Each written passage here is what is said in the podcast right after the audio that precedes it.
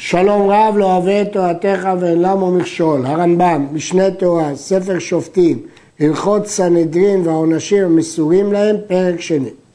אין מעמידים בסנהדרין, בין בגדולה, בין בקט... בקטנה, אלא אנשים חכמים ונבונים, מופלאים בחוכמת התורה, בעלי דעה מרובה, ויודעים קצת משאר חוכמות, כגון רפואות, וחשבון תקופות, ומזלות, והצטגננות, ודרכי המעוננים, והקוסמים, והמכשפים, והבלי עבודה זרה וכיוצא באלו, כדי שיהיו יודעים לדון אותם. הרמ"ח שואל מדוע דיין צריך לדעת רפואות וחשבון ותקופות ומזלות והצטגננות. ביחס לתקופות ומזלות כתב הכסף משנה שנצרך כדי לחשב את השנה.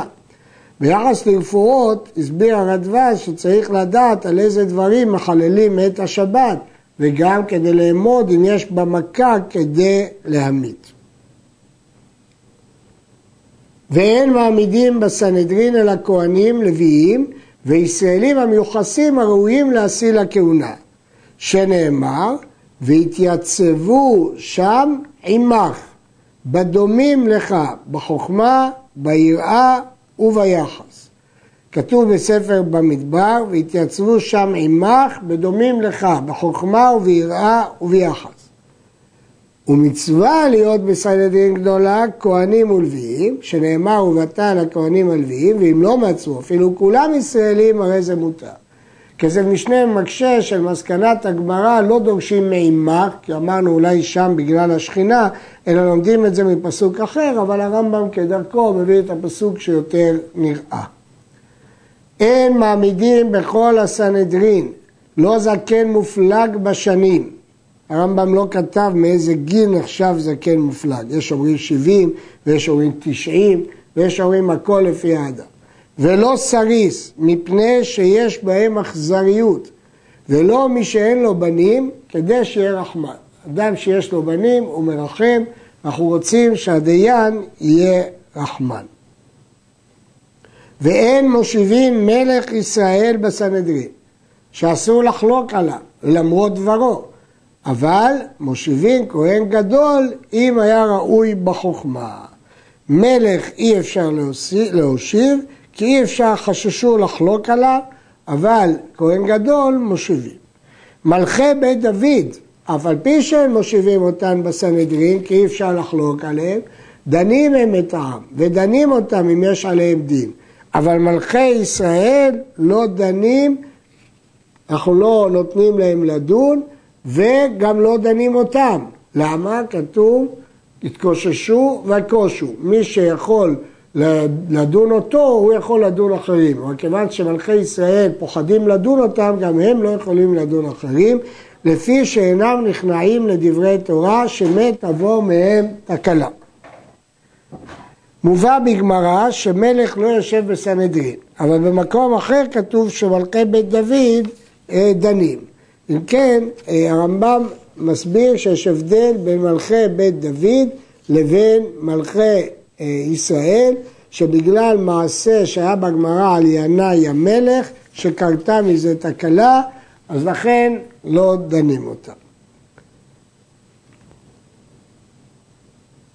כשם שבדין מנוקים בצדק, כך צריכים להיות מנוקים מכל מומי הגוף. וצריך להשתדל ולבדוק ולחפש שיהיו כולם בעלי שיבה, בעלי קומה, בעלי מראה, נבוני לחש, ושיהיו יודעים ברוב הלשונות, כדי שלא תהיה סנדרית שומעת מפי התורגמן. צריכים להכיר חידות ורמזים ולדעת לשונות, אבל משמע שהדברים האלה לא מעכבים.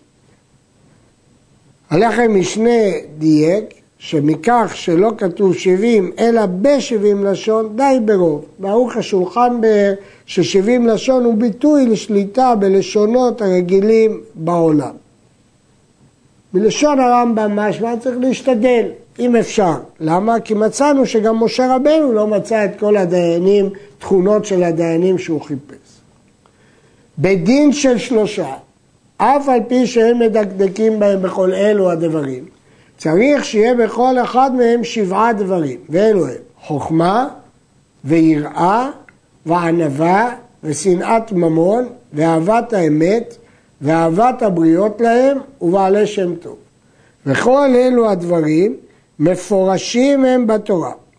הרי הוא אומר, אנשים חכמים ונבונים, הרי בעל החוכמה אמור, וידועים לשבטיכם אלו שרוח הבריות נוחה הם, וכמה יהיו אהובים לבריות, במה יהיו אהובים לבריות, בזמן שיהיו בעלי עין טובה, ונפש שפלה, וחברתם טובה, ומסעה ודיבורם בנחת עם הבריות. ולהלן הוא אומר אנשי חיל, אלו שהם גיבורים במצוות ומדקדקים על עצמם וחובשים את יצרם, עד שלא יהיה להם שום גנאי ולא שם רע ויהיה פרקם נאה. ובכלל אנשי חיל שיהיה להם לב אמיץ להציל עשוק מיד גוזל, אנשים אמיצים, כעניין שנאמר ויקרום משה ויושיען. ומה משה רבנו עניו? אף כל דיין צריך להיות עניו. יראה אלוהים כמשמעו. שונא בצע, אפילו ממון שלהם אינם נבהלים עליו, ולא רודפים לקבץ הממון.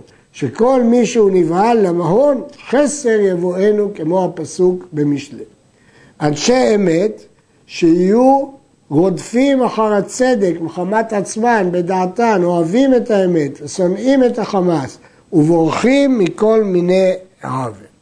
כתב הכסף משנה והלחם משנה והרדב"ז, שברור שאם אין דיינים כאלה, בוחרים את הטובים ביותר שיש. אמרו חכמים שמבין דין הגדול היו שולחים בכל ארץ ישראל ובודקים מי שמת, כל מי שמצאו חכם ויחד וענב ושפוי, שפוי, יש אומרים מלשון שייף עיל, ענב, ויש שבהרו בספר יד פשוטה, שפוי רגוע ואינו נבהל אחרי יצרו. ופרקו נאה ורוח הבריות נוחה ממנו, עושים אותו דיין בעירו, ומשם מעלים אותו לפתח הר הבית, ומשם מעלים אותו לפתח הזרה, ומשם מעלים אותו לבית דין הגדול. בית דין של שלושה, שהיה אחד מהם גר, הרי זה פסול עד שתהיה אמו מישראל. בגמרא דרשו מהפסוק מקרב אחיך תשים עליך מלך שכל המינויים יהיו מאחיך. זאת שיטת הרמב"ם וכך גם הריף. לעומת זאת רש"י אומר שגר כשר לדיני ממונות. היה אחד מהם ממזר, אפילו שלושתם ממזרים, הרי אלו כשרים לדון. וכן, אם היה כל אחד מהם סומא באחת מעיניו, כשר. מה שאין כן בסנהדרין. אבל הסומא בשתי עיניו פסול לכל.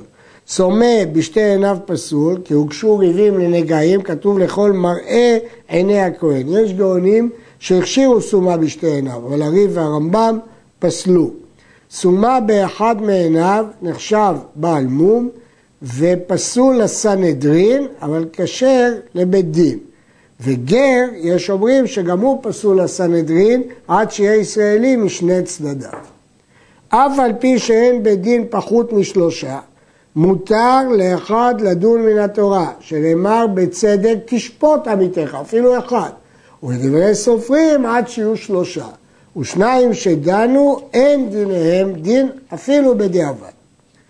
הראש בסנהדרין כותב שמהתורה דיין אחד פסול. בעל האחות גדולות כותב ששניים שדנו דיניהם דין, אבל פסק הרמב"ם לא כך, שמן התורה עד אחד כשר, אבל בדיעבד אפילו שניים שדנו דיניהם לא דין. ויש מקשים שבסוגיות הגמרא משמע שמי שסובר שמהתורה עד אחד כשר, השניים שדנו דיניהם דין. הקצור החושן באר בדבריו, שגם דין של שניים נחשב לדין, אלא שלא יכולים לקוף אותו על הנידון. שם המפרשים בארו בדברי הרמב"ם, שנכון שמהתורה כשר, אבל חכמים תיקנו לפסול שניים.